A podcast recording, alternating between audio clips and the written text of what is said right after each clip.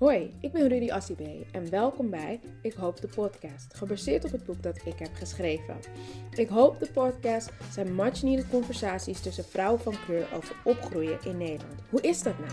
We praten over onze intersectionaliteit, over religie, feminisme, seksisme, seksualiteit, support uit je eigen community en nog veel meer. Is er hoop voor Nederland? Ik weet het niet. We gaan het horen. Hallo, welkom Veronica. Hallo, lieverd. Hey. het gaat goed.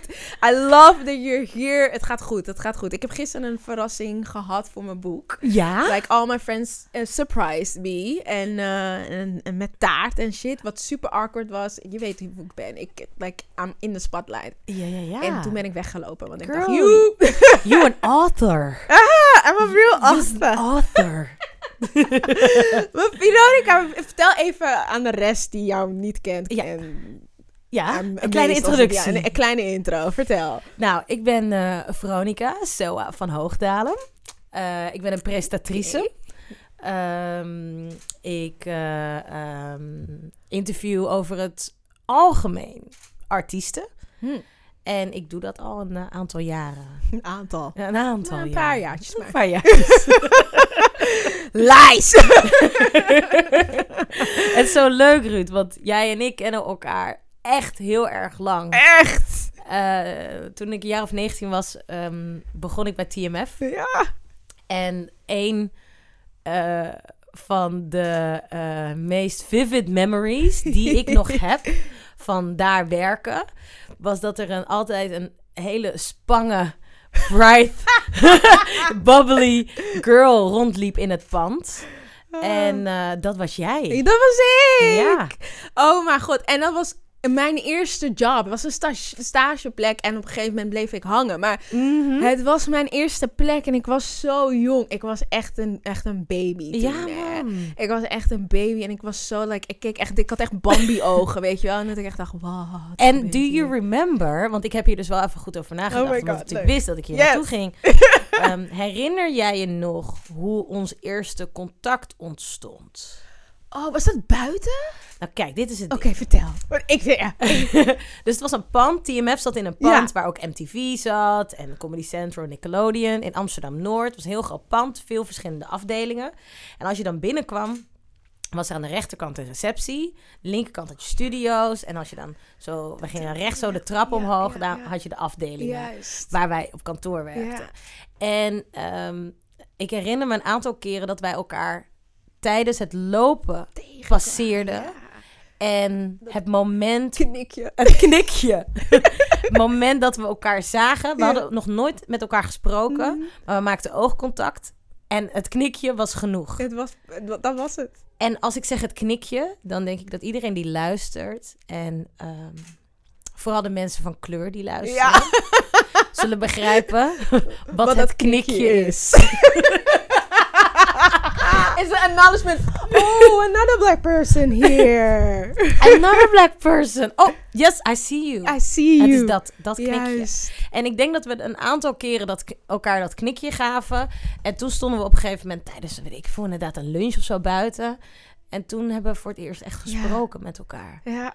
Maar ehm, ik vind dat zo magisch. Ja. Omdat dat ehm, zo normaal voelt voor ons. Het voelde, ja, ja. Zeg maar het knikje Ja. en ook gewoon elkaar her- herkennen. Je Gewoon ziet dat. elkaar. Ja. Twee jonge black girls in medialand. White medialand. White medialand ook nog eens. Ja. Ja. En, en, en wel echt op een van de allercoolste plekken. Totaal. het was echt, ik, het was gewoon surrealistic voor mij om überhaupt, ik was, ik was ook zoiets, hè. Nee, ik weet echt niet, volgens mij, ja, ook 19 denk ja, ik. man. En, en dat ik daar rondliep en ik dacht, wow, ik werk gewoon bij MTV.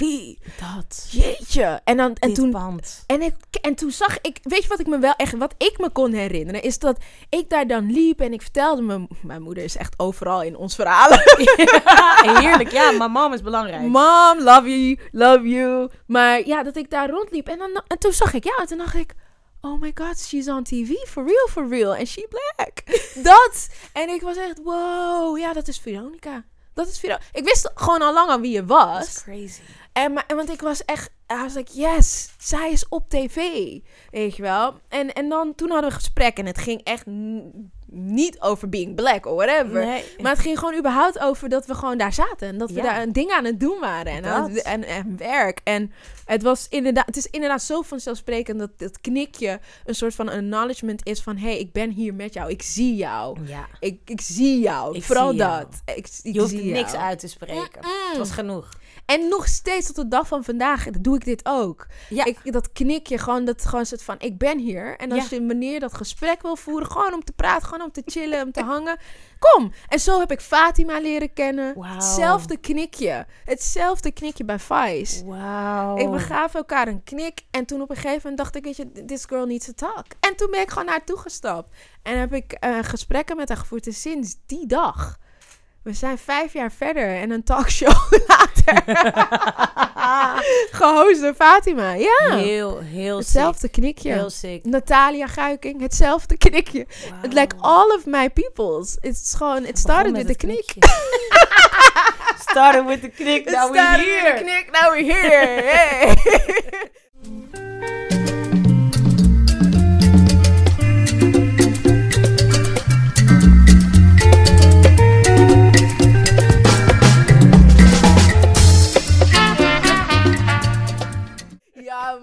Vera, hoe gaat het met jou? Ja, het gaat goed. Het gaat goed, Je darling. straalt man. Ik, eh, ja, ik voel me... Ik, ik, het, zijn, het is wel... Hoe zeg je dat?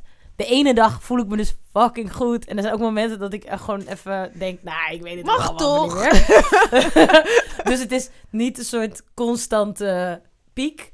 Maar eh, vandaag voel ik me optimistisch Yes. en goed. Oh, I love. Ja, Vandaag. vandaag. Waarom? Ik denk dat Wat het- is er dat- veranderd? Nou, ik ben gewoon ook wel. Ik heb nu ook gewoon geleerd om alleen maar met de dag bezig te zijn. En dus niet meer met het Ja. soort van het hele.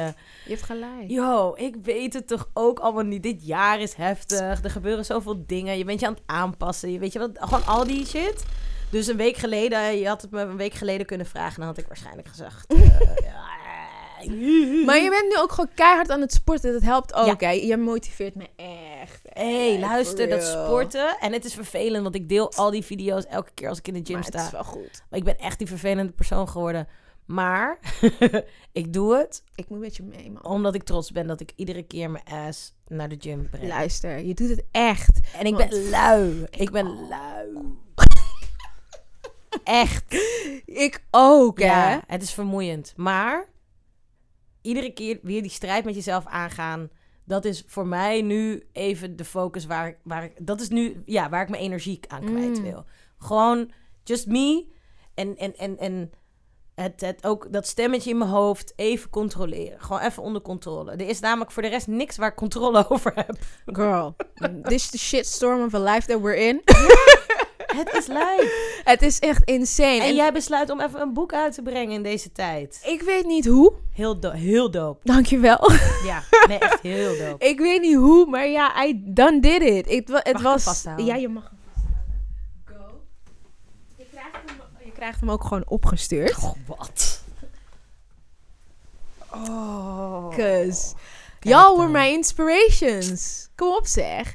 Nee, ja, kijk, ik, ik, eh, ik, ja, ik heb het geschreven. Hoe weet ik niet. Ik, eh, ik ben er heel blij mee, dat wel. Maar het voelt ook nu niet meer van mij. Ken je dat? Mm. Ik heb ehm, veel artiesten die ik spreek, Mm. die zeggen dat ook met hun muziek. Op het moment Ah, dat het uit is, dan is het van de wereld. Dat heb ik heel en dan erg. mogen nu. mensen ermee doen wat ze willen. Is dat zo? Mogen Ja. mensen ermee doen wat ze willen? Nou ja, voor mij wel. Ik denk dat wat, er, wat erin staat is... is eh, een- eh, ja, het gaat alle kanten op. Ik denk dat ik begon met een soort van een woede. Een soort van, oké, ik ben dit helemaal zat. I'm tired. I'm do- done with y'all. Gewoon, ik ben klaar. Ja. En ergens in het midden dacht ik, oh, fine. Weet je toch? Een soort van, oh, oké, let me explain why this, this, this is actually shit. Weet je? Echt daar was ik. En dat ik dacht, oké, nu moet ik dingen gaan uitleggen. En op het einde had ik een soort van resolve van, like, I guess things are changing. Ja. Weet je? En ergens... Je werd hoopvoller Ik werd hoopvoller. tijdens het schrijven. Ja, ik werd wel hoopvoller. Omdat ik keek dan om me heen. En ik leef misschien wel echt in een bubbel, hè. Maar ik keek wel om me heen en ik dacht... Oké, er zijn volgens mij wel dingen aan het veranderen. Er gebeuren dingen. En ik denk ook wat... Ik denk, weet je wat er is gebeurd na George Floyd? Eh, Echt alles wat daar omheen is gebeurd. En de Black Lives Matter movement. En 1 juni. En ook zelfs de shitstorm die Aquasi over zich heen heeft gehad. Maar alle andere mensen. Jerry Vrier, Naomi, Mm. Clarice. Like, Mhm. you even op tv. Alles. Ik denk dat wat ik zag is dat wij voor once zoiets hadden van we don't give a fuck. This is us. ja. Dat gevoel. Dat we meer onszelf aan het worden werden. En ik Klopt. zag het gewoon in iedereen. Gewoon echt, weet je, we stonden rechter. We Yo. stonden trotser. We zijn trotser. We zijn meer met elkaar. En I'm loving all of that. En dat gaf mij hoop. Want ik dacht van, als wij meer van elkaar gaan houden, van onszelf gaan houden, dan geeft het geen moer wat daarnaast gebeurt. Want we weten Ja, dat wij, wij beter kunnen. Dat wij beter, dat wij beter zijn als we van elkaar houden. En ik denk dat dat het gevoel is waarvan ik dacht, oké, er is hoop. Dan is er hoop. Ik vind dat heel tof hoe je dat ook verwoordt. Want Ja. het is, ik denk ook wel echt dat dat het moet zijn. Ja, Het moet zo zijn. Toch? Het mag ook niet anders zijn Nee. dan dat. en ik denk wel dat het heeft geholpen dat we in een pandemie leven. Ik denk dat iedereen, zeker de eerste paar maanden, de tijd heeft genomen om, om, om meer tot zichzelf te komen, I Hmm. guess. Ik, ze- ik zelf ook. Ja, je werd echt even gedwongen, toch? Om Ja. stil te zitten gewoon. Sit Even, your ass ja. down.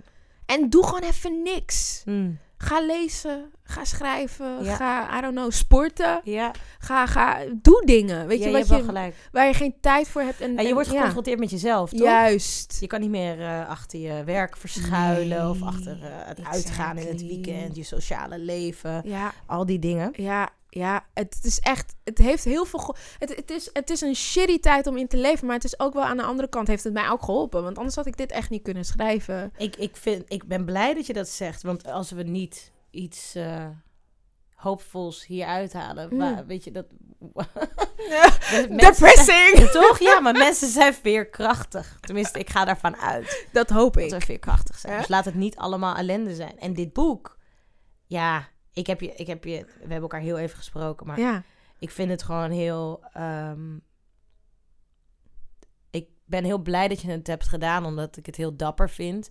En niet dapper, zo van, oh wat knap dat je het durft te vertellen, maar dapper om een boek uit te brengen. ja. Want het is, it's some serious shit. Ik, het is En ik weet dat alles wat je doet, neem je serieus. Ja, Dus ik weet ook dat je hier aandacht aan hebt besteed en heel veel liefde in hebt gestopt. ja. En ehm, Ja, het was voor mij super belangrijk dat zelfs de mensen met wie ik dit deed, de- eh, dat dat, dat, dat super inclusief zou worden. Ja. Want het is uiteindelijk een witte uitgever, die, eh, uitgeverij, die mij de kans geeft. I mean, love you, thank you for it, Sladjana.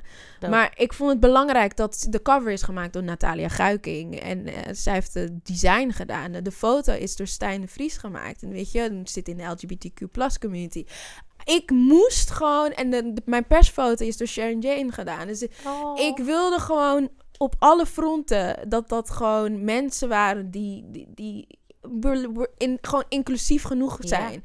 En dat het een team zou zijn waarvan wij denken van dit is, hoe, dit is het nieuwe Nederland. Of dit is Nederland, niet eens nieuw. Dit is hoe Nederland in elkaar zit. Zelfs deze podcast is geproduceerd door Luca, Indonesisch. Juist. Melissa naast ons hier is gewoon een Latina meid. I love. Weet je, ja, echt dat. Ik, ik, ik vind het belangrijk om dat op alle fronten te doen. En veel Ja. vrouwen om me heen. I want that. Ja. Hey, ik ben zo trots.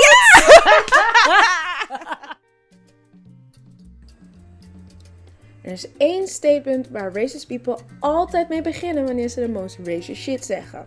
Maar ik ben geen racist. Witte Nederlanders zijn vaak niet bewust van de emotionele schade die zij aanbrengen met hun woorden.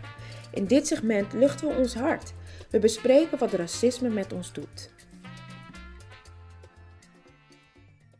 Heb jij toevallig een kinderfoto of, of iets meegenomen? Ja, ik heb vanochtend nog heel snel mijn moeder geappt. Want Hey! je weet toch, ik ben ook chaotisch. En eh, ze heeft twee foto's gestuurd. Oh, wat leuk. Ik heb een foto voor je waarop ik een baby ben. En je, gaat, je zou nooit denken dat ik dat ben. En een foto, nou ja, je kan naar links swipen. Ik ga het je laten zien. Oh, I can't wait. It's mini, mini baby Vero. ook. Ja, of een Asian baby en gewoon Had ook vervangen. Ik gekund. bedoel, eh, je zou niet denken dat ik dat ben. Maar je kleur komt altijd later. Ja, en de krullen blijkbaar ook. Oh mijn god, maar hier leek je... Dit, dit ben jij. Ja, dat ben ik zeker. Oh, je ziet de tute al en de... I adore. Hoe oud zou ik je zeggen? Ik weet niet, vijf. Vijf, denk ik? Ja. Oh mijn god, waar woonde je toen? In Woerden. Oké, Mm. ja. Ik, in elke podcast word ik geëxposed over het feit dat ik niet weet waar dingen liggen. En dan voel ik me zo typisch als de dans. Oké, wait. Woerden, je, was- je was me aan het helpen. Oké, Utrecht. Ja. Oei, wacht. Ja, het is omgeving Utrecht. Oké. Wauw, deze had ik echt niet goed. Ja, Woerden. Als je met de trein, zeg maar, van Utrecht naar Woerden richting Gouda, dan, de, zeg maar, ja, richting Gouda. Ja, je zit me aan te kijken. Meeste mensen kennen Woerden alleen maar van de files. De A12, daar staan meestal files. Dus je hoort het vaak in het filebericht. Of omdat je, als je veel met de trein reist in dat gedeelte, eh, heb je Utrecht, Rotterdam, Utrecht, Gouda. En dan daartussen heb je Woerden. Het is een klein stadje. Is het, het is een stad. Je mag het geen dorp noemen, Oké. dat je het even weet. Stick Ehm, my water het is een klein stadje. ehm, met eh, eh, de, de, de vibe van een dorp. Ja, met wel de energy van een dorp. Ja. Maar het is groot genoeg om niet iedereen te kennen. Oké. Oké, oké, I guess. En het, is, daar- het is een soort van Haarlem. Het is een soort... eh, ja, maar dan minder stads nog steeds. Ja. Oké. Support your city. Doe het, doe het. Woerden, I guess. woorden. Daar ben je geboren ook. Nee, ik ben geboren in Duitsland. The fuck, waarom weet ik dit niet? Ja, omdat dat, daar praat je niet over. Mijn leven werd pas interessant toen ik met TMF ging Ik ga. It ain't true. Maar de meeste Ghanese zijn- komen randomly uit Duitsland. What I the fuck know. happened? Nee, mijn pa, dus dat is het ding. Dus mijn, dus mijn vader, we zijn allebei Ghanese. we zijn allebei Ghanese. juist. Mijn vader is, mijn vader is Ghanese. eh, mijn moeder is een, een, een, een witte Nederlandse vrouw.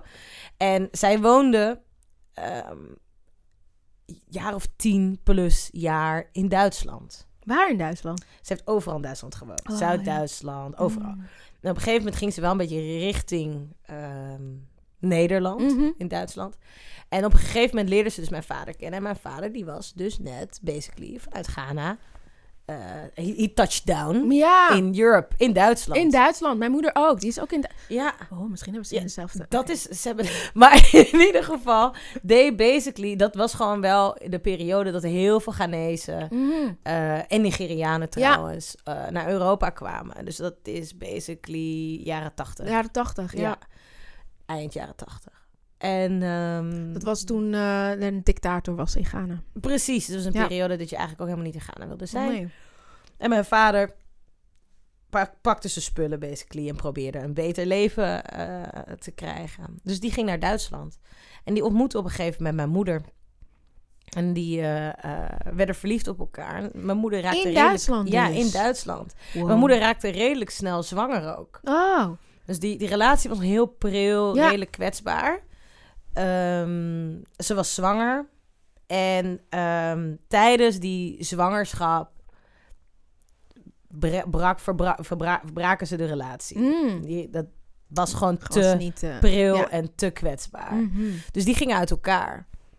Ehm, toen werd ik geboren. En eigenlijk een half jaar na mijn geboorte besloot mijn moeder om naar Nederland terug te verhuizen. Omdat mijn oma, haar moeder, daar woonde. Mm. En dacht, als ik dan toch een kind, weet je wel, Ja. eh, in mijn eentje basically moet opvoeden. Dan. Laat ik dat dan wel in de buurt van Ja. mijn familie doen. Ja. Dus toen heb ik een tijdje bij mijn oma, met mijn moeder gewoond. En daarom zie je ook die foto dat mijn oma mij vasthoudt als babytje. zo schattig. En is ook een hele belangrijke vrouw in mijn leven geweest. Ehm, en, en, en, en toen waren we dus al in omgeving Woerden. En daar heb ik basically tot mijn achttiende gewoond. Girl, tell me. Wa- hoe was dat? Kijk, ik, ja, en, en ik doe stoer trouwens. Hè. Ik ben opgegroeid half-half Amsterdam en Zwanenburg. Zwanenburg was gewoon een dorp en was gewoon shitty. Ja. Er- Lees maar in mijn boek. Swana Ja, verschrikkelijk. is Ik- nu wel anders. Ik hoop het voor de mensen die daar nu wonen. Stef woont er. Ja, I know. nou zei ik, hoop het voor hem. Ik, Nieuwe ik Zou, generatie. Ik, zou, ik, ik wilde hem bijna een DM sturen. Get out. like, echt, nee, no joke. Ik wilde het echt doen. Ik dacht echt, oh my god. En hij heeft een kind. En oh my god. Ik was echt bang, hè. Maar het zijn mijn trauma's. Ik hoop dat het veranderd is daar. Ik hoop het echt. Ik hoop dat al die naties weg zijn en shit. Ja. I Na hope, I'm praying. I'm praying. ja. Maar goed, woorden. Woorden. Hoe was dat? Ik heb een hele ehm, veilige jeugd gehad daar. Ja? Ja. Veilig in de zin van, we woonden in een, ehm, in een soort volksbuurt. Mm. Je weet toch, een buurt waar ehm, veel verschillende mensen woonden. Van, nou ja, er was niet heel veel geld. Eh, sociale controle was best wel hoog. Mhm. De voordeur hoefde nooit echt op slot, weet je wel. Je had zo'n touwtje. Oh ja, ja, ja, ja, ja. Eh, dus je kon gewoon naar binnen en de buren eh, letten op elkaars kinderen. Mm. De- zeker in die straat waar ik lang heb gewoond. Eh we hadden een Marokkaans gezin naast ons. Mhm. Veel Nederlanders ook wel. Maar allemaal wel vanuit een bepaalde soort, hoe zeg je dat? Eh, een beetje dezelfde klasse. Mhm. Dus ja, geen klassenverschil. Gewoon allemaal juist, hetzelfde ja. niveau. Hetzelfde niveau. Mondiaal niveau, een beetje. Ja, ja, en ja. ook veel kinderen van Oh, mijn leeftijd. Dus dat, dat was ook een soort van... Dat was best wel mooi. Eh, mijn moeder die besloot om mij op de enige basisschool te zetten... wat ehm, niet christelijk was. Hmm. Er waren basically alleen maar christelijke basisscholen. en er was één gemengde basisschool. En Ja. mijn moeder vond dat heel erg belangrijk, omdat dat dus ook de enige school was waar dus Marokkaanse kindjes zaten, Mm. Turkse kindjes zaten. En, eh, Dus ze was heel bewust al bezig met het feit dat jij Ja. ook gewoon eigenlijk dubbel cultuur Ja. had. Ja, ja mijn moeder bloed. is eigenlijk is, heeft mij ehm, mijn hele leven geleerd dat ik niet alleen een Nederlandse familie heb. Kijk, mijn Heel vader goed. die heeft, eh, die is later, heb ik pas later leren kennen. Ja. En die heeft mij eh, eh, genoeg verteld over Ghana, Mhm. onze, onze cultuur. Maar daarvoor was het echt mijn moeder die Beautiful. dat deed. Ja. Echt goed. Ja. Want ik, ook toen ik jou ontmoette, dacht ik, oh, oh hey, hey, she knows who she is. Ja, she, she ja. knows. Terwijl ik echt heel veel dubbelbloed Ghanese heb leren kennen, dat ik echt denk, oh god. Ja, nee, mijn moeder heeft mij meegenomen naar Mm. Ghana. I love. Eh, dat, Goed. Dat, ja, ja, ja. Nee, ze vond het altijd heel erg belangrijk. Ja. Ehm, nu begrijp ik ook waarom mijn moeder dat zo belangrijk vond. Mm. Want de rest van woorden... Dat was niet zo leuk, hè? eh, nee, had geen idee. Hmm. Had echt geen idee. Nee. Kijk, de bubbel waar ik in leefde in die, in, in, in die, op die basisschool was fantastisch. Want wij vierden zeg maar het suikerfeest en kerst. Top. Ja. Dus ehm, ik had een klas en die klas was fantastisch. We hadden eh, meiden, eh, Pakistaanse meisjes, Turkse kinderen, Marokkaanse kinderen. Er was een meisje uit Canada volgens mij, Wauw. een Surinaamse. Ik was dan de enige Afrikaan. Ja. Of nou ja, Ghanese. Ik mag Afrikaan. Marokkanen zijn ook Afrikanen. I'm sorry. ja. de enige Ghanese eh, en een Indisch kindje volgens Mm. mij. En dan voor de rest nog een, nog, nog een paar Nederlandse kindjes. Dus oh, wauw. Echt- echt gemixt. Ja, het was heel cute. Het was echt heel cute. Heel tof. Dus, dus die bubbel was fantastisch om in op te groeien. Ja. Buitenschool Hmm. eh, was alles over het algemeen heel wit. Mhm. En ehm, Was je daar bewust van? nee, Nee. nee, totaal niet. Nee, dat was normaal toch? Ja. Ja. Alles was normaal. Alles, is, alles wat je kent als kind Is, gewoon, ja, dit dat is, hoe het is. Ja. Ja. Ja. Ehm, ik denk dat ik pas op mijn 13, 14e begon te realiseren dat er dingen anders waren Hmm. aan mij dan aan mijn vriendinnetjes bijvoorbeeld. Ik of zo. Ergens in mijn boek vertel ik een, moment dat ik wist dat ik anders was. En anders tussen haakjes. Want Ja, ja, anders hè, dan wat, toch? anders ja. dan wat. What the fuck. maar ehm, is dat, want ik groeide, ik, ik, was, ik ben geboren en getogen in Amsterdam. En, en, en eh, in de Bijl, maar ook nog Zuidoost. Represent. Ja, toch. En ja. Woe. Smipland. Oké, Nee, ik ben echt te oud daarvoor. Zo kut wanneer je het jezelf hoort zeggen. Ja, nee, nee, nou, I that's, that's not me. maar, ehm, en ik was echt dat kindje, weet je, gewoon, het het is gewoon kinderen uit, uit steden. Die zeggen altijd brutaal. Die hebben gewoon bepaalde woorden die kinderen uit dorpen bijvoorbeeld helemaal niet kennen. ja, ja, ja, ja. En je bent gewoon al best wel, huh, weet je wel, dit. En toen kwam ik als vierjarig kind, kom ik naar Zwanenburg. En dan kom ik daar en ik dacht... Oh, oké, wacht. dat. Ik kan me dat echt nog herinneren. En dat ik dus eh, in een klas kwam, terecht kwam. En, en nou ja, ik had één Marokkaanse vriendin. En anderen die ergens Indisch bloed hadden, maar echt ver, weet je. En, en, maar dat ook niet zeiden. Ik zag het. Snap je dat? Mm. Ik zag het aan ze.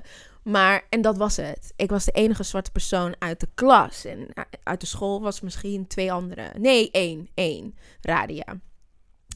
En toen zei iemand tegen mij van... Oh, als je wast, gaat het dan weg? En dan ging hij zo aan mijn huid wrijven.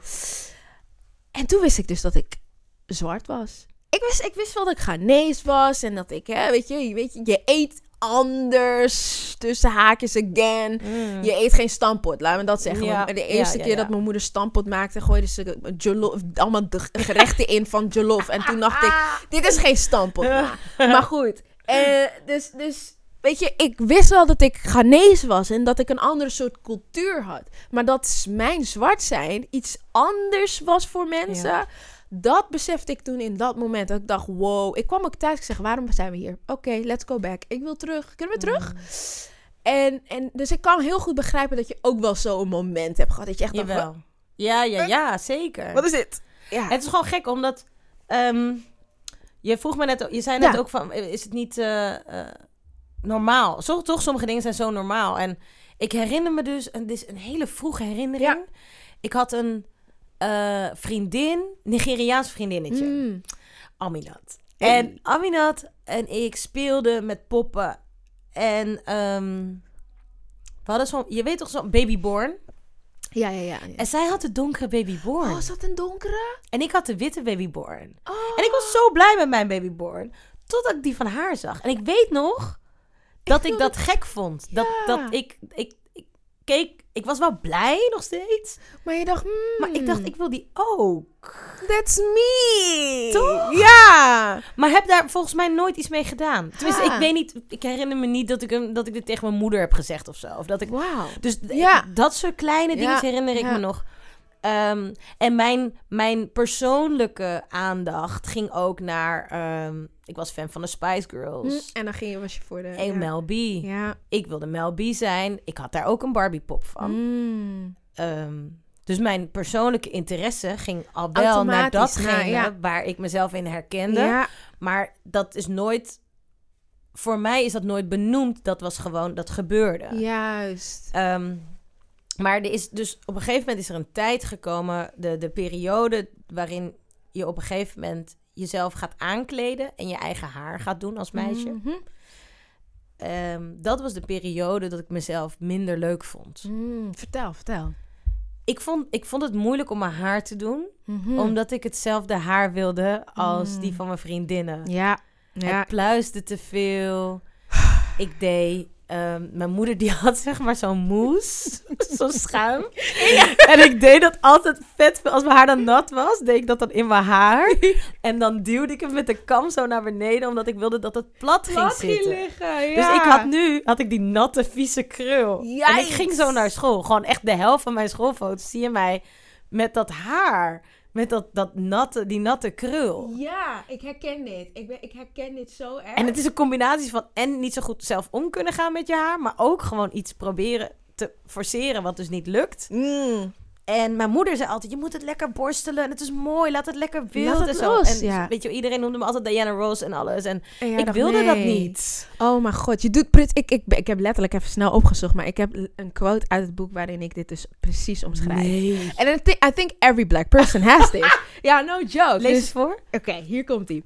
Vroeger deed ik er alles aan om erbij te horen. Om de perfecte allochtoon, allochtoon te zijn. Wat dat ook mag betekenen. Was het gek om een andere taal te spreken? Oké, dan deed ik dat niet meer. Accent de straat? Dan kopieerde ik het accent van mijn klasgenootjes. Mijn reis met kip te Afrikaans voor in de pauzes? Dan maar een broodje kaas voortaan. Ik deed echt alles om erbij te horen. Ik overtuigde mijn moeder ervan om, om mijn haar precies te doen zoals mijn klasgenootjes.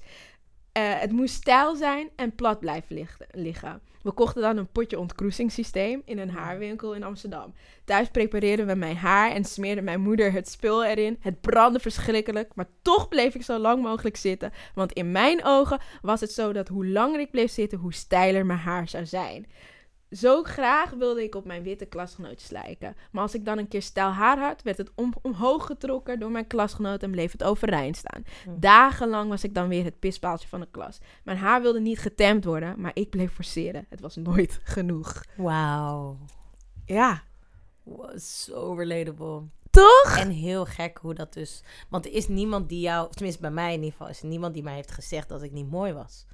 Niemand. Maar mijn moeder heeft me altijd met veel complimenten gegeven. Mijn oma, naast mijn moeder de belangrijkste vrouw in Ja. mijn leven... eh, gaf me alleen maar het gevoel dat ik het diamantje van de familie was. Ja, Ja, je ziet er anders uit dan je neefjes en nichtjes. Maar je Mm. bent onze favoriet. ja. je bent de mooiste. Mhm. Ze willen allemaal die krullen hebben. Mhm. Dat is wat ze willen. Ja. Kijk hoe ze in de zon liggen, Ja. Veronica. Ze willen net zo bruin zijn als jij, maar jij bent het al. Ja, Weet je, ik heb al die complimenten gekregen. Zo en goed. nog toch hè?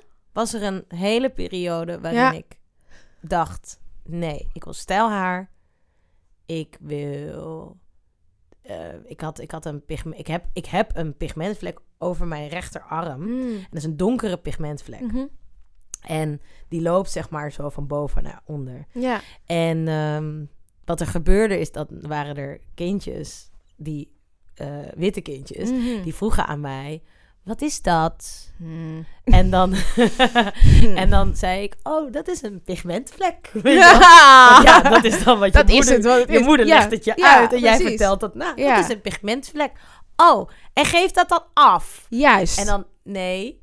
Oh, maar wat gek dat jij dat dan hebt. En dan, weet je, en op een gegeven moment schaamde me ik daarvoor. Mhm. En dan ga je het bedekken. En dan ga je het bedekken. Ja, ja, ja. En, maar niet dus per se omdat... Want dat is het hele ding. Het, het was niet alsof er heel veel negativiteit bij kwam. Het was gewoon meer... Er wordt aandacht aan Je, gegeven. juist, en je wil Ja. niet anders zijn dan de rest. Exactly. Niemand wil anders, zeker niet op een bepaalde leeftijd. Niet op die leeftijd. Nee, je wil niet anders zijn. Ja. Je wil gewoon een van hun zijn. Ja. En ik had op dat moment ook niemand in mijn omgeving die hetzelfde eruit zag. Dus Mm. Dus Ja. er was niemand waar ik mee kon eigenlijk praten of waar ik die ervaringen mee kon delen. En dus dacht ik, ja, Dan ga ik maar anders worden. precies. Ja. En ik, want ik, ik herken dit. Ik herken dit zo erg. Ik was dan de enige zwarte meisje uit de klas. En tuurlijk, was, ik had Wassima, mijn Marokkaanse vriendin. Maar ze zag er niet uit zoals ik, weet je. En, en, en dus ik dacht ook op een gegeven moment... No man, skip deze krullen. Skip deze kroeshaar. ik wil stijlhaar, mama. en maar forceren zoals ik in het boek. En dan zat ik daar en het brandde verschrikkelijk. Het brandde Oh, zo erg. erg. Maar dan toch blijven zitten. het waard. Dat was in het je waard? hoofd, ja. Het was in mijn hoofd was het waard. En het is zo schadelijk eigenlijk. Zo schadelijk ja. dat we dat allemaal hebben lopen doen. En ook schadelijk voor je zelfverzekerheid ook. Gewoon Heel hoe je, hoe je tuurlijk. over jezelf denkt. En ergens vraag ik me ook af, want wat je zegt, weet je, inderdaad, het zijn kinderen. En, en vragen gaan ze stellen, weet je. Ze Altijd. gaan het doen. Tuurlijk. Als je Oh. flaporen hebt, hoezo heb je flaporen? Ja, Weet je wat, maakt niet uit. Als je iets anders hebt dan de norm, juist. eh, dan zullen kinderen dat altijd, Altijd. eh, aanwijzen. Ik denk alleen dat wanneer er ehm, representatie is Mhm. en wanneer er bepaalde ehm, dingen herkenbaar zijn, dus Ja, dat het wat makkelijker is voor jou om mee te dealen. Dus die kindjes zullen het altijd nog steeds eh, eh, uitspreken. En Ja. ik denk ook niet dat dat het probleem is. Maar ik denk dat het vooral te maken heeft met dat jij als kind dus iets kan zien en jezelf daarin kan herkennen. En Ja. dan je daardoor dus niet zo raar voelt. juist. En ik denk dat als al die kinderen ook meer van dat soort beelden... Als, Ja. als er meer Die Veronica's zouden zijn. babyborn bijvoorbeeld. En, en die babyborn Want dat was het. Het was namelijk ja. in die periode dat dat... Dat was dus heel bijzonder Ja. dat er een zwarte babyborn... Nu zien we eh, allerlei Alle verschillende kleuren, babyborns ja. en, en, Ja. en, en Barbies en zo. Maar die- toen was dat nog heel Het was nieuw. echt nieuw. was echt Ja. nieuw. Maar dat is belangrijk. Tuurlijk. En toen was er nog zelfs een, en en eh, het zag je nog heel veel zwarte kinderen die uiteindelijk ervoor kozen om een witte te nemen in plaats van een zwarte. Want die zwarte is, is, is, is, wordt niet gewild. Daar ga je niet mee spelen. Ja. Dat zag je gebeuren. En dat, dat is dus inderdaad representatie. Ja, man. Eh, want ik kan me heel goed herinneren, het eerste moment dat ik jou op tv zag, dat ik echt dacht, damn, dit kan. Ja, sick. Dit kan. En, maar we hadden zo graag gewild. Ik was al stukken ouder. Ik had zo graag gewild dat ik Ja. iemand had als jou op tv op een andere manier. Hè? Want ik Ja, bedoel, ja. le- we hadden Gerda. Ik bedoel, Tuurlijk. we hadden Gerda. Love you. Gerda. We hadden Gerda. En we hadden. uh, Umberto Tan was al een tijdje op tv. Ik was wel wat ouder toen. Maar en, en we, hadden, we hadden er wel een paar. Maar nee, maar je hebt niet- gelijk. niet op zo'n vlak zoals dat, jij, dat je echt zoiets hebt van... Oh, dat kan ik worden. Snap je wat ik bedoel? En dat zijn een heleboel mensen na ons... want wij hebben ongeveer dezelfde leeftijd... die naar jou hebben gekeken en dachten... Damn, oké, ik kan dit worden. Ja, want toen, tof, mijn, toen mijn moeder dit vroeger tegen mij zei... want zij wilde heel graag dat ik journalist zou worden. En dan op tv.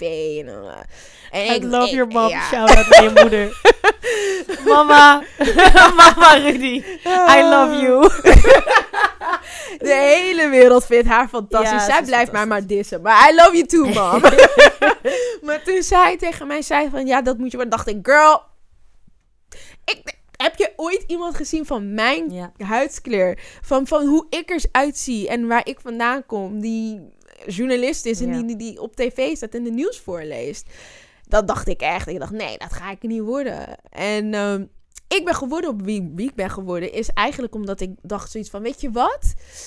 Echt op, als kind, en ik ga dat, ooit ga ik dat nog meer eh, naar voren laten brengen. Ik heb een paar quotes uit mijn dagboek, maar in mijn dagboek staat op een gegeven moment van, ik wil mensen hun, zeg maar wat er hierbovenin gebeurt in hun brein, wil ik veranderen. En ik denk dat je dat kan doen met marketing. En dat is de reden waarom ik uiteindelijk naar marketing ben gegaan vet. omdat ik, ik zag een heleboel marketing stunts. Een heleboel dingen zag ik altijd in reclames en tv voorbij komen. En ik dacht van, dit is waar mensen zich aan relaten.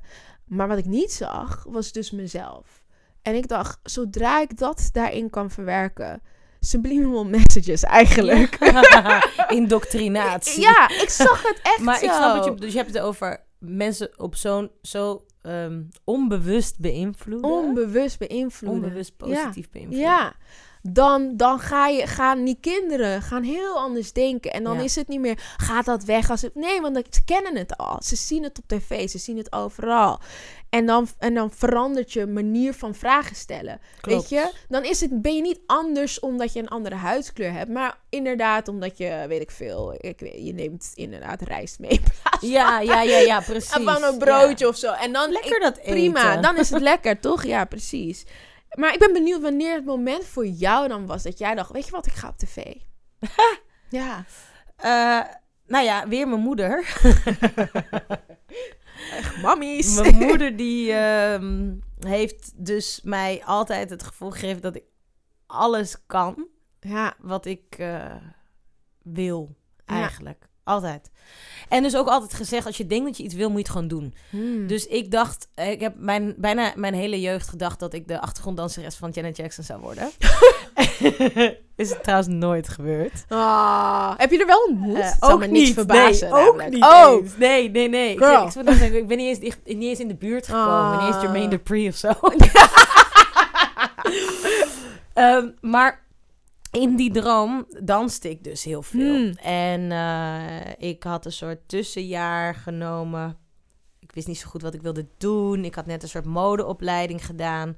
Ik werkte in een kledingzaak en ik danste. En mijn moeder die zei dus altijd... Ja, ja, weet je wat je ook wil doen? Je gewoon ga ervoor en just do it. ja. Oké, cool. Dus ik doe dat. Ehm, neem op een dag zomaar ontslag bij een eh, kledingwinkel waar ik werk in Gouda. Je werkt in goud. Ik werk in Gouda en ik had besloten om alleen nog maar te gaan dansen. Ik had nog niet bedacht hoe ik geld zou verdienen, maar ik wist, ik wil alleen nog maar dansen. Dat was een dansschool in Eindhoven en Utrecht. Daar ga ik gewoon al mijn tijd aan besteden. Hmm. Dus dat heb ik toen gedaan. Dus ik ben die middag terug thuis gekomen. Ik zei, mam, ik heb ontslag genomen. Ik, eh, maar je moet nog wel mijn treinkosten betalen. Ik ga stuk. En wat zei? Zei Het ze is doe het. Let's do this. Nou ja, we vinden wel een manier, maar doe het maar. Wauw. Als jij denkt dat dit het is, dan moet je het gaan doen. In die, in die periode is mijn moeder online naar allerlei audities gaan kijken. Oh, No joke. Echt? Jij zoekt een stopcontact, Ja, zie ik. het- terwijl, terwijl je Ja, praat. nee, nee, nee. Doe, doe, doe. Eh, dus zij is audities online gaan checken. En voor allerlei dingen. Je had echt eh, de, de gekste klussen online staan. Je had gewoon van die castingbureaus waar ze dan dansers voor zochten. Ja. En dan eh, af en toe kon ik in een club dansen. En dat deed ik dan. En ik was 17 of zo. En dan reed mijn moeder mij Naar de club. naar fucking... eh, deze, wat was dat? Maastricht of zo. Wauw. Echt fucking ver rijden. Zodat ik in een club ergens op een blok in een soort fluorpak kon gaan dansen. Fantastisch. Om vervolgens weer s'nachts ook terug te... Dat soort dingen. Wauw. Nou, ergens tussen die audities stond een ehm, programma, au- auditie voor een tv-programma. Mm. Het tv-programma heette Fabs. Mm. En dat was een programma voor videoclipmodellen. Oh, wauw. Ik heb de beelden gezien, bro. Iemand google dit alsjeblieft. Het staat online. ja. En wat gebeurt er? Ik doe auditie en op de een of andere reden eh, ga ik door. En ga, de ene ronde ga ik door en de tweede ronde door. En op een gegeven moment zit ik in een tv-programma eh, te strijden voor de soort van de beste videoclip model of Ja. zo. Ja. Ehm, en in dat proces, we zaten op een gegeven moment in een huis met allemaal vrouwen. Het werd echt zo, ook zo reality geschoten. Wat? En, en, en er waren opdrachten en elke aflevering was er een afvaller. En het was echt super intens. En dit was de allereerste keer dat ik zag hoe een Hoe oud was je ook? gemaakt. 17. 17 Echt of zo, hè? 17. Ja. Eh, en ik zie dat dus. Ik zie die camera ploegen. En het werd gepresenteerd door Jorinde Mol. En zij was een eh, Mhm. presentatrice bij, bij Veronica. Het werd ook uitgezonden op Veronica. En ehm, iedere keer wanneer zij haar stand-upjes deed, zeg maar haar tekst op de camera, Mhm. dan eh, was ik gefascineerd of zo. Mm. Ik keek ernaar en ik dacht, het is interessant wat zij doet. man. Ja. Maar ik heb er nooit... Ik had nog niet bedacht, dat wil ik. Maar dat was wel, ik wist wel, er was een zaadje geplant. Ja, was een zaadje geplant. Ja. Oké, nou, om de een of andere reden win ik dit programma. Wat echt nog steeds de grootste grap van de eeuw is. Ja. ik win dit programma en daarmee een smak met geld. Genoeg geld om eh, op mezelf te gaan wonen, Wauw. even. Ja. Dus, wat doe ik? Dat had ik namelijk al bedacht. Op mijn achttiende, Ga ik eruit. weg uit Woerden. Weg. Weg. Weg. Wil je echt zo stel. Ja, graag? ik wist, ik, ver weg. Even side note. Why? Waarom? Ehm, mijn puberteit Mm. was heel confronterend. Ik was de Mm. hele tijd op zoek naar eh, mijn identiteit. Mhm. Dus van vriendengroep naar vriendengroep. Mhm. Kijken waar ik bij hoorde. Ik was een Mhm. gabber. Mm. eh, ik was een danser. Mhm. Ik was een eh, soort hangjongere. ik, wa- ik was alles. Alles. Ja. Maar niks voelde als thuis. Dus ik wist, ik moet weg hier. Ja. Eh, tijdens dat programma had ik namelijk een paar meisjes uit Amsterdam ontmoet. Mm. Dus ik dacht, oké, die zijn leuk. Die hadden me uitgenodigd om een keer te komen chillen. En basically ben ik gewoon nooit meer weggegaan daar. Dus ik ben naar Amsterdam verhuisd. Mhm. Binnen een paar maanden loop ik op een soort modellenconventie eh, ding, as, weet ik veel. Je ding. kwam echt ook op de gekste plekken Ja. bij.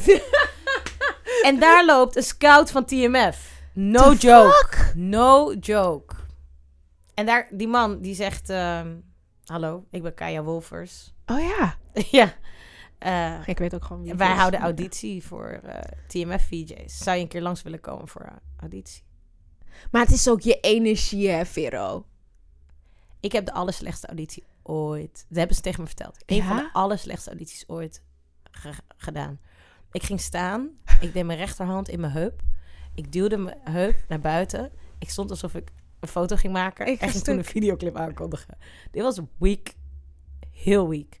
En Bart Barnas, de man die toen die auditie afnam, later mijn UP werd, Mhm. Ehm, die zei eh, basically, eh je auditie was niet heel goed.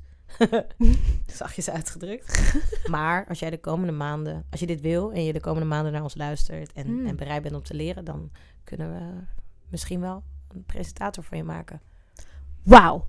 Ik ben echt, zeg maar, ja, ik had in die periode namelijk nul vertrouwen in Wit-Nederland. Het klinkt echt heel heftig, maar dat was het echt. Ik had echt geen vertrouwen erin. Gewoon nul.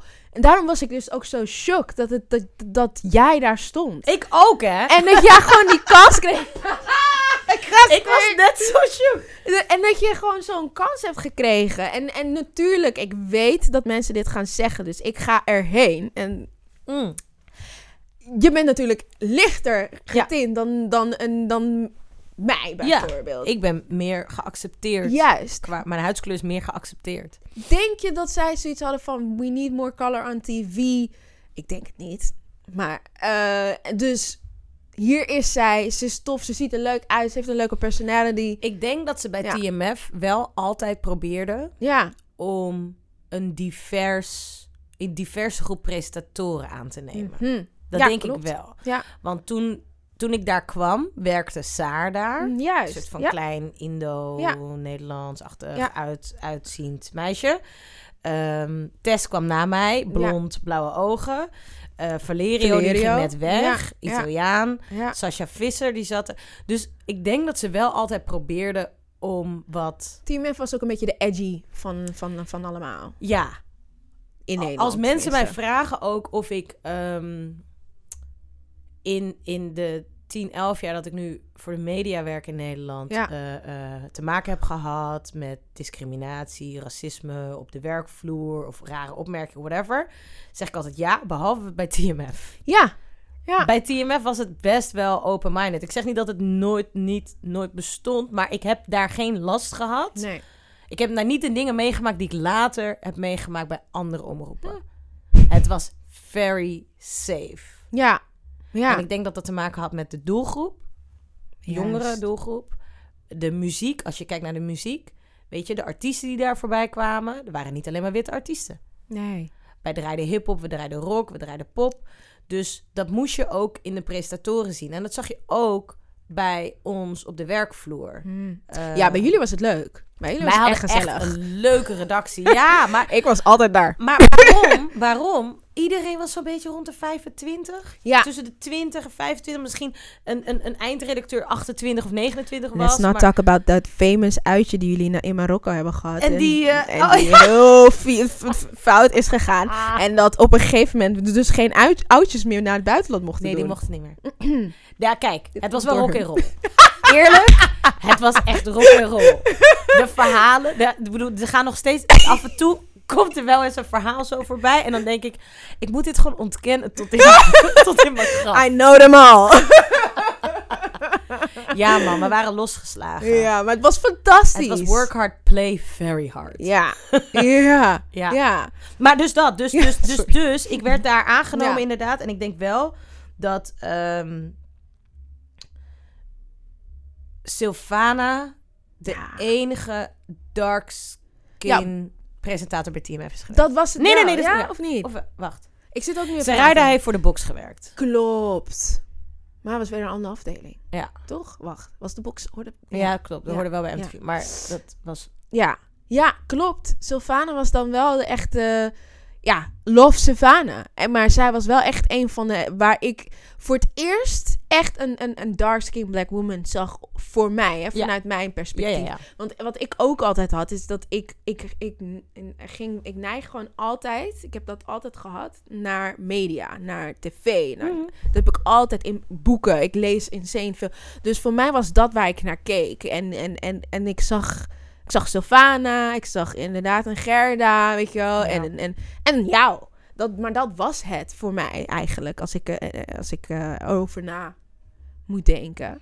Ik heb me nooit gerealiseerd hoe... ehm, toen ik daar werkte, heb ik me nooit gerealiseerd hoeveel impact dat zou hebben. De grap is, is dat ik mij ook niet realiseerde hoe, dat wij eigenlijk de enige twee waren in het gebouw. Ja. Ik, ik denk dat ik het pas realiseerde toen ik wegging. En toen ik... Dat ik En Yvonne. Ja, oh ja. Ja, Ja. klopt. En dat waren Ja, we waren met z'n We drieën. waren met z'n drieën. En het was echt, we hebben het hier over honderden mensen. Maar het, het was, het, ik weet, wat ik merkte is dat ik toen ik bij jullie afdeling, als ik bij jullie afdeling was, dan was er gewoon zoveel positiviteit. En er was gewoon zoveel fun. Mensen waren echt aan het genieten. En eh, bij mij was het wel een beetje dubbel. Maar Mhm. het was, het was, ik had wel het idee van dit is een jongerenbedrijf. Dit is, dus het is, Ja. het is iets anders. Ik, ik mag blij, ik was blij dat ik hier kon beginnen. Zeg maar, dat dat het begin was, weet je. En niet waar ik achteraf allemaal heb lopen werken, maar... ik mag blij zijn dat ik kon beginnen bij zo'n bedrijf. Ja, ja, ja, Ja. dat is heel bijzonder. Ja. Dat is het ook. Want eh, dat, eh, voor veel mensen is het andersom. Die Toch? beginnen shitty en die zijn uiteindelijk blij als ze ergens anders weet toch, eindigen waar het Ja, fijn is. waar het wat fijn is. Maar dit was een fijne start. Het, Ja. Hier en daar waren momenten dat ik dacht, oh my god, ja, dit, dit is tricky en dit is racism. Maar ik, ik, ik vond wel dat ik, ook omdat ik jou had, ook al knikten we eerst aan het Ja, begin ja, alleen met elkaar, maar het voelde zo goed om dat te hebben. En, en dat ik op een gegeven moment, want mijn next job werd Vice bijvoorbeeld. En, en ook al hoe links ze zijn. they still got their, their issues. Echt Ja. niet te geloven. En juist dat ik dacht, en ik hoorde zo erg veel over hun, hoe, hoe, hoe links ze zijn en hoe inclusief. Ik was samen met twee anderen de enige black peoples.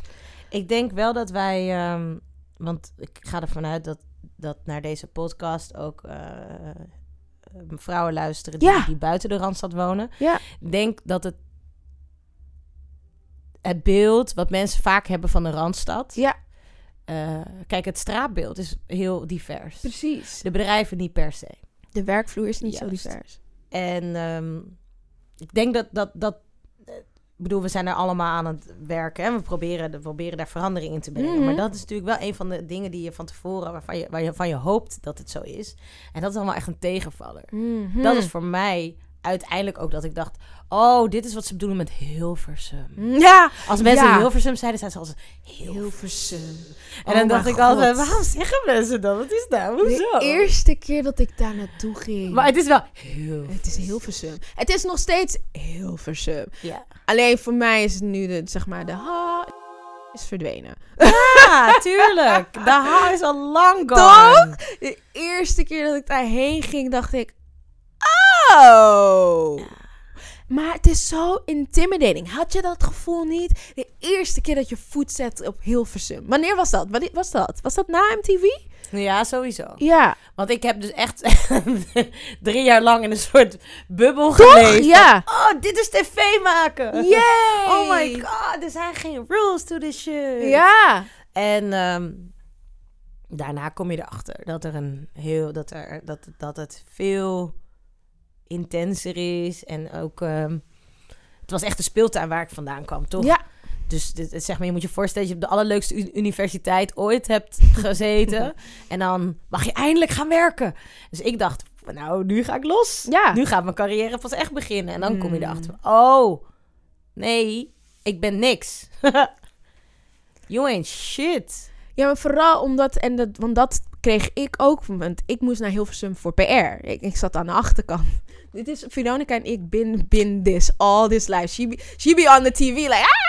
En we on the uh, background. Oh, we komen elkaar op elke job Sick, tegen. Sick, hè? Maar hoe lijp is dat? Het is echt insane. En ook daar kwamen we elkaar weer tegen. Eh, maar ik was PR, dus ik moest daarheen om dingen te verkopen tussen haakjes.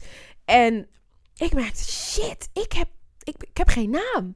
Jij merkte dat, ik merkte dat. Ik had geen naam. Dus als ik daar kwam met, oh kijk hoe tof dit is, dan kreeg ik gewoon een blik van, ja, maar jij bent die en die niet uit PR. Dus ja, I don't know, I don't trust you yet. Had je dat gevoel ook een beetje? Jawel. Ja en nee. Ik, ik, ik, er werd mij... Het geluk wat ik had, was dat ik... De VJ, er waren VJ's voor mij. Mhm. En die sprak ik. En die zeiden... Geniet nog maar van alles.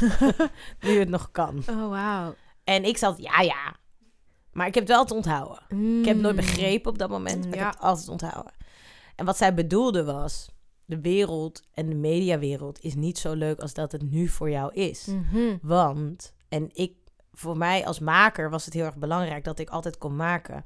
En toen ik op een gegeven moment naar andere zenders ging, kwam ik erachter dat basically een presentator zijn inhield dat ik gewoon mijn tekst moest leren en op moest komen draven ja. en mijn tekst kon opdreunen en weer weg kon gaan. Terwijl bij TMF maakte, Maakte ik alles. ik zat naast ja. de edit, ja. weet je wel. Ik zat bij de redactievergaderingen. We, waren, we deden alles.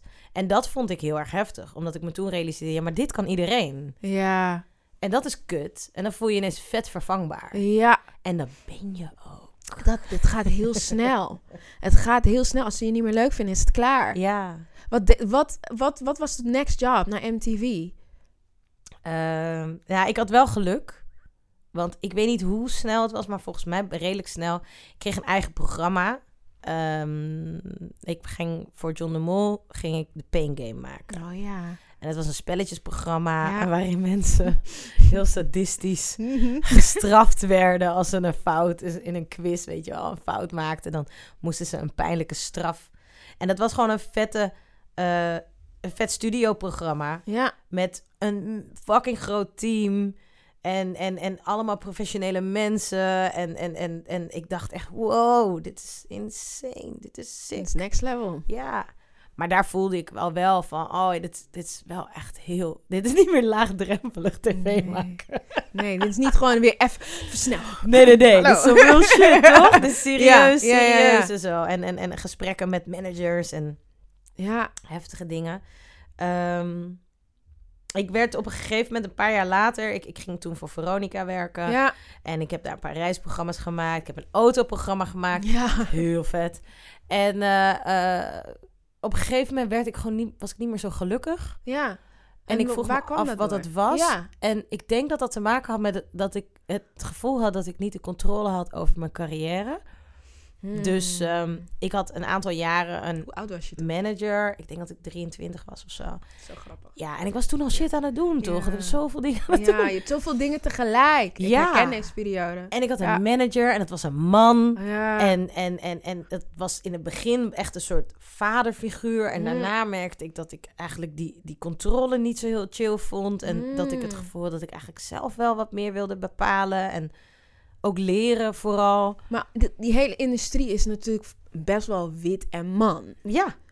Dus het, was, het is ook navigeren als de Ja. zwarte vrouw in die hele scene. En ik had een, een, een, een relatie met een rapper. En ik kon, mocht hem niet meenemen naar bepaalde plekken. Ah. En, en, en ik, ik was helemaal zo van, hè? Ja, maar ja, hij kan toch niet... Weet je, en hij was, je weet toch? Hij was wel...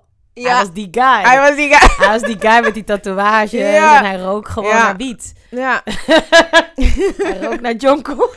ja. maar ja. En, en ik ging, ik nam hem mee, want dat was wel gewoon de Libi, toch? ja. Ehm, dat werd mij niet in dank afgenomen. Ja, gingen ze echt, waren ze gewoon af en toe gewoon een soort van, nee, dit mag niet? Ja. Damn. Ja, is expliciet tegen mij gezegd op een gegeven moment.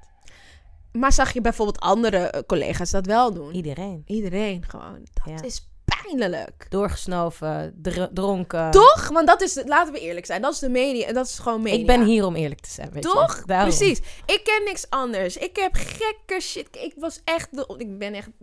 Klinkt nu heel werelds, maar ik was echt de meest... Oh my god, person. Gewoon een soort van... Alles was nieuw voor mij. Het was, Ja. en ik heb de gekste shit in media gezien. Ja. Doorgesnoven, pilletjes, Ja. eh, bazen die dingen doen met stagiaires. Anyhow. Eh, all of the things. Het ging hem op alle plekken Hm. dat ik heb gewerkt. Ja, man. En iemand die nu naar mijn LinkedIn gaat, weet nu welke plekken dat zijn. Maar ja, en, ja, Ja, ja. shit happened. En dan worden ze boos omdat iemand jonko aan het smoken Ja, is. en hij was niet eens aan het smoken. Echt, hè? Het was gewoon zijn energy. Ja. die off was bij de rest van de energy. Damn. Ik bedoel, we waren allemaal jong en roekeloos. Dus who cares? Maar dat werd benoemd. Dus ik vond dat heel, ehm, ik vond dat heel moeilijk. Dus ik ging ook steeds minder naar, naar, naar dat soort plekken. Ja. Want ik was ook verliefd en ik begreep het niet. En eh, ik kon ook, ik was ook nog niet ehm, bekwaam genoeg om dat gesprek te voeren. Ja, precies. Ja. Ja. Dus, dus, dus dan niet, toch? Dus dan ga je steeds meer afstand nemen. En op een gegeven moment moest ik ook, wilde ik ook niet meer die manager. En ik wilde ook niet meer eh, naar die feesten toe. En eigenlijk wilde die, ik, op een gegeven moment wilde ik zelfs de programma's ook niet meer, omdat ik Mm. de hele tijd dacht, ik heb geen controle over wat er gebeurt. Ik ben En gewoon de is- hele met jullie mee aan Ja, het gaan, maar ja, ik ben eigenlijk niks aan het maken wat ik wil. wat je wil. Het is een soort van tweede identiteitscrisis, eigenlijk. Juist. Ja. En dat is wat er gebeurt. En dat hoort denk ik ook bij die leeftijd. Juist. Want je moet jezelf leren kennen. Juist. En ehm, ik heb altijd geleerd om wel de verantwoordelijkheid bij jezelf te leggen. Ja. Dus ik ben op een gegeven moment op zoek gegaan. Ik, ik, ik heb eerst rare, nog een paar gekke programma's gemaakt. Waarvan, waarvan ik later dacht, oh ja, misschien was dat, paste dat niet heel erg bij mij. Maar je, je, doet, je probeert wat. Ja. Ehm, toen heb ik een twee jaar lang mijn eigen management gedaan. Ja. Omdat ik dacht, deze tijd oh ja, ik moet het zelf doen. Ja. Ik vertrouw niemand. Ik weet niet. En ik wil gewoon weten ook hoe het werkt. Hoe het werkt, Let ja. me do this shit. Ja. Ehm, en ook dat was echt heel moeilijk.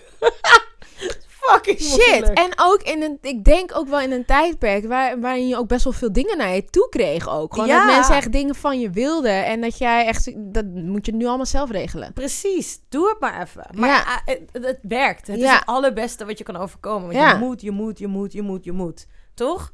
In de tussentijd ben ik, heb ik altijd contact gehad met mijn collega's. Hmm. Een van de allereerste collega's die eh, contact met mij opnam was Sarayda. Sarayda werkte toen de tijd nog ja. bij BNN. Mhm. En zij ging wel eens, nam mij wel eens mee om te gaan eten. Ja. En dan sprak ik met haar over Oh. werk. Nice. En op een gegeven moment is zij weggegaan bij BNN. Ja. Dat was echt een, iedereen was in shock. Ja. Ze gaat weg? Hoezo dan? Ja. Omdat ze shit niet voelde. Ja. En dit, zeg maar, dit gevoel. En want ik vind het belangrijk, hè. Ik vind het heel goed dat jullie elkaar hebben opgezocht. En ook contact hebben gehouden. En ik Ja, merk ook dat... naar Sarayda, Shout out, Ja. echt. Ik merk ook wel dat jullie dat nu nog meer doen, de media Ja. meiden. Ik, ik kijk naar jullie en dan noem ik jullie de media meiden. Ja. De black media meiden. en, ehm maar ik zie jou en dan zie ik Fatima en dan zie ik, Ja. en zie ik Sagiet en Ja, dan zie ik en dan zie ik Angelique. Angelique en ik zie jullie allemaal bij elkaar en dan, oh, dan denk ik gewoon, ja, Ja. support elkaar, help elkaar, help elkaar through this. Want een Fatima is nog jong, is nieuw in die hele wereld en dat zij van jou kan horen en van alle andere wat ouderen die al langer in dit vak zitten, ook al zijn we niet zo oud, we zitten er wel al lang in Ja, ja, dat, ehm, dat wij hiermee bezig zijn, is, is, is gewoon belangrijk. Het is belangrijk dat we, dat we elkaar helpen eh, groeien. En dat we Ja. elkaar supporten erin. Zeker. En, en, en dus ook gewoon ervaringen delen. En mijn ervaring hoeft niet dezelfde ervaring Nee. te zijn als die van Fatima. Ehm, kan ook niet. Nee. Maar ik denk wel dat het, het scheelt heel veel. En wat ik van Sarayda heb geleerd, is dat je moet durven kiezen. Ja. Maar je moet eerst weten wie je bent. Wie je zelf Hmm. bent. En je ging zoeken. Ik ging zoeken. Ik ging gewoon shit proberen. En toen Ja. kwam ik erachter. Ja. dus ik doe even een soort van sprong weer in de tijd. dat hetgene waar ik ooit mee was begonnen, dat, dat daar mijn hart en mijn passie lag. Muziek. Juist. Ja. Gewoon artiesten interviewen. Ja. Dus al die andere programma's die ik tussendoor heb gedaan. Een pain game, een autoprogramma, een reisprogramma, een kinderprogramma. Dat was fantastisch. Dat leuk. Great. Maar dat is niet Dat wat jij ik... niet. Nee. Ja. Dit is wie ik ben. Ja. En ehm, laatst stelde een vriendin van mij de vraag... Ja, maar wat, wat ga je nou eigenlijk doen? Dan zei ja, dit. en toen zei ze, maar dit kan je toch niet voor altijd doen? Waarom en niet? toen zei ik, als Erik Kortom... ja, die nu... Ik weet het niet, ik heb het niet opgezocht, maar ik ga er vanuit 50 plus is. Zoiets. Nog steeds over muziek kan praten en op een festival artiesten kan interviewen... kan ik dit ook tot mijn 50, 50ste doen. Doe het! En waarom zeggen we dat eigenlijk tegen onszelf? Dat wij, waarom moeten vrouwen... Want Omdat we het nog niet hebben gezien. Juist. En dan komen we weer terug bij representatie. Juist. Soms moeten we dingen zien om het te geloven. Ja, En jij en ik, Ruud, laten we het gewoon doen. laten Zodat doen. iemand anders het kan zien en weet dat het kan. Want, en wat, wat, want daar hebben we het niet eens over gehad. Hè? Maar, we moeten afsluiten. Ja, ook alweer ja. bijna. Kijk, zie je, Veronica en ik, man. We praten, we gaan is zo kunnen drie uur praten. Maar er, er in, weet je, in de media, wat je niet zag, is ook eens de vrouwen die gewoon thriven. Dat zij gewoon al stukken ouder zijn en alsnog al die programma's eh, aan het maken zijn. Je ziet allemaal oude mannen op tv, dat Ja. zie je wel. Ja. Maar je ziet geen oude vrouwen op tv. Nee, klopt. En anders zie je ze in koffietijd. Ja. Dat zie je ze. Maar echt net aan ook. Net hè? aan. Koffietijd willen ze ook het liefst dat je dertig Ja. bent, volgens mij. Ehm, nee, we, moeten dat... eh, de reden, de, een van de redenen is omdat, ou, eh, omdat mannen bepalen wie er Wie er is, die, ja. er, wie ja. er neer worden Ja. gezet. En het is zo jammer. En ik hoop dat, dat die, die, die figuren, die, die zeg maar die staple figures, dat, die het, eh, dat dat veranderd wordt. Want zelfs nu, ik Ja. zit bij mijn bek in Hilversum. heel verzin. Hilversum. Wat trouwens wel echt heel anders is nu. Het is Dan- wel anders, maar het, heeft, eh, het, het is anders. Het, zeg maar, het is De een leukste combinatie. bedrijven zijn weg uit Hilversum. Ja, ik, eh, ik moet gewoon wennen aan het feit dat eh, van alle plekken waar ik heb gezeten, was het op een gegeven moment. Ik heb ook gewoon luxe gehad, hè? Van een, van, van een MTV naar Vice, naar Top Notch, Ja. naar Cult and Ace. Ja. En dan vervolgens Sony. Ik heb echt, ik, en, en dan noem ik de losse companies waar ik als hoor. freelancer heb gezeten, noem ik niet eens op nu. Maar ik heb hele toffe plekken gehad. En zelfs op die plekken zijn er momenten geweest dat ik dacht, eh, weet je. Maar ook, eh, vooral, ik denk dat het, ik heb toffe plekken gehad, maar ik denk dat ik vooral waar ik geconfronteerd mee werd, is dat ik vrouw was Ja. in die wereld. Ja. Dat.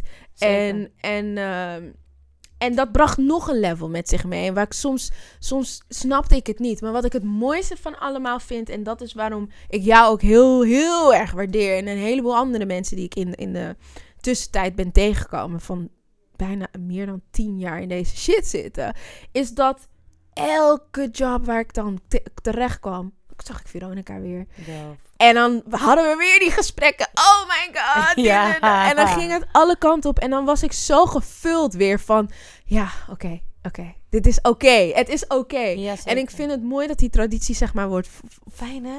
erin blijft. Laten we dat dus echt gewoon blijven Laten doen. we het blijven doen. Ja, man. Gewoon tot onze vijftigste elkaar tegenkomen. Ah. We hoeven niet met knikje, we doen Nee. inmiddels een knuffel. Nu is het een Maar- knuffel. nu is het een knuffel en een hele... Oh my god, wat ja, toch? Ik- I love. Ik ben, ik ben zo trots op je dat je dit boek hebt eh, geschreven. Dankjewel. En ik, ik hoop echt dat er veel meisjes buiten de Randstad dit boek lezen.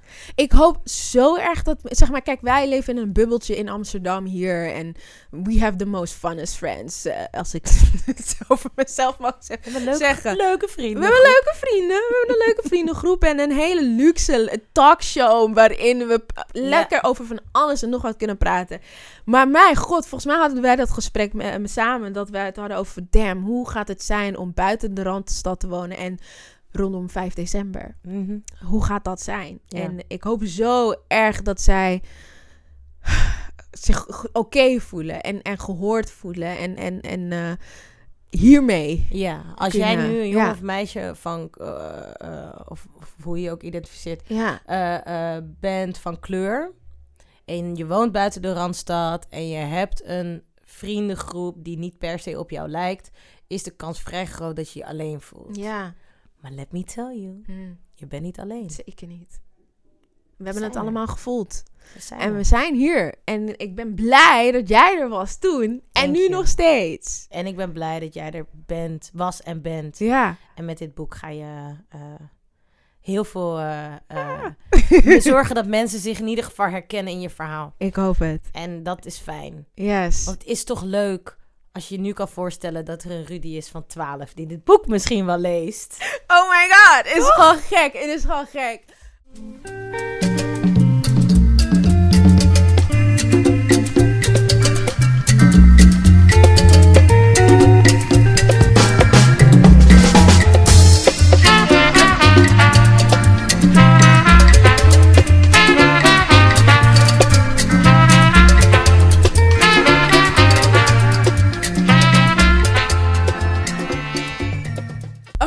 Laatste stukje van, eh, Ja. van deze podcast. 1 juni is geweest. We, het was voor mij echt een soort van groundbreaking moment geweest. En ook natuurlijk een van de redenen geweest dat ik... eh, nou, ik was eigenlijk al aan het schrijven. Maar eh, verder ben gaan schrijven. En er is zoveel gebeurd daarna. Denk je dat er echt iets is veranderd? Maar ook echt in medialandschap. Zie je dingen veranderen? Ja, ik denk dat er iets is veranderd. Ik denk alleen dat we dat nu nog niet gaan zien. Hmm. En eh, we hadden het, ik, ik noemde het heel even een zaadje wat geplant is. Mhm. Wat geplant wordt, is heel belangrijk. Je moet het nu alleen maar water blijven geven, toch? Juist. Ja. Dus dat is wat we moeten doen. En met liefde. er is namelijk niets, er is geen hogere frequentie dan liefde. Mhm. En ehm, het herhalen van een bepaalde boodschap is heel erg belangrijk. Zodat mensen eraan gaan wennen. Op het moment dat mensen, mensen daaraan wennen, voelt het minder heftig. Mhm. Ehm, wat we hebben ervaren 1 juni tijdens de eh, pro- protest op de Dam, is dat we, ons, dat we ons één voelden. Maar wat we ook hebben ervaren is enorm veel tegengas. Mhm. En dat gaat minder worden. In de media gaan we dingen zien. Er gaat een trend worden gecreëerd. Mhm. Maar be patient nog heel even. Dat wel. En dat gaat niet, is niet makkelijk. Zeker niet. Want ik wil het ook het liefst morgen. Het liefst morgen, maar ja, ja, nou, dan zijn we gelijk. Je, een mooi bruggetje voor mij. Ehm, jouw hoop voor de toekomst. Waar, wat- wat is jouw hoop? En natuurlijk wil ik dat je begint met ik hoop. Ik hoop dat wij als vrouwen de kracht, het geduld en het zelfvertrouwen vinden om keuzes te maken waar misschien niet iedereen achter staat. Mhm. Ik hoop dat er een generatie komt die het beter gaat doen Mhm. dan wij. I love. Vero, dankjewel. Dit was zo leuk. Felt like we were just sitting here with tea. Ja, ik, ik vond het echt heel erg fijn. En, Super. En, en you the shit. Ruud. Dankjewel. Jij ook. Love Keep you. inspiring those youth. Love you, queen. Love you too. Kom hier. Deze podcast is geproduceerd door Luca van der Bos en is een Alcablon production. Luister ook naar onze andere podcasts zoals War Against Racism en je favoriete talkshow Late Night Talks met je host Fatima Wersame. Wil je meer weten over Alcablon en Late Night Talks? Follow us on Instagram at Alcablon Project en at.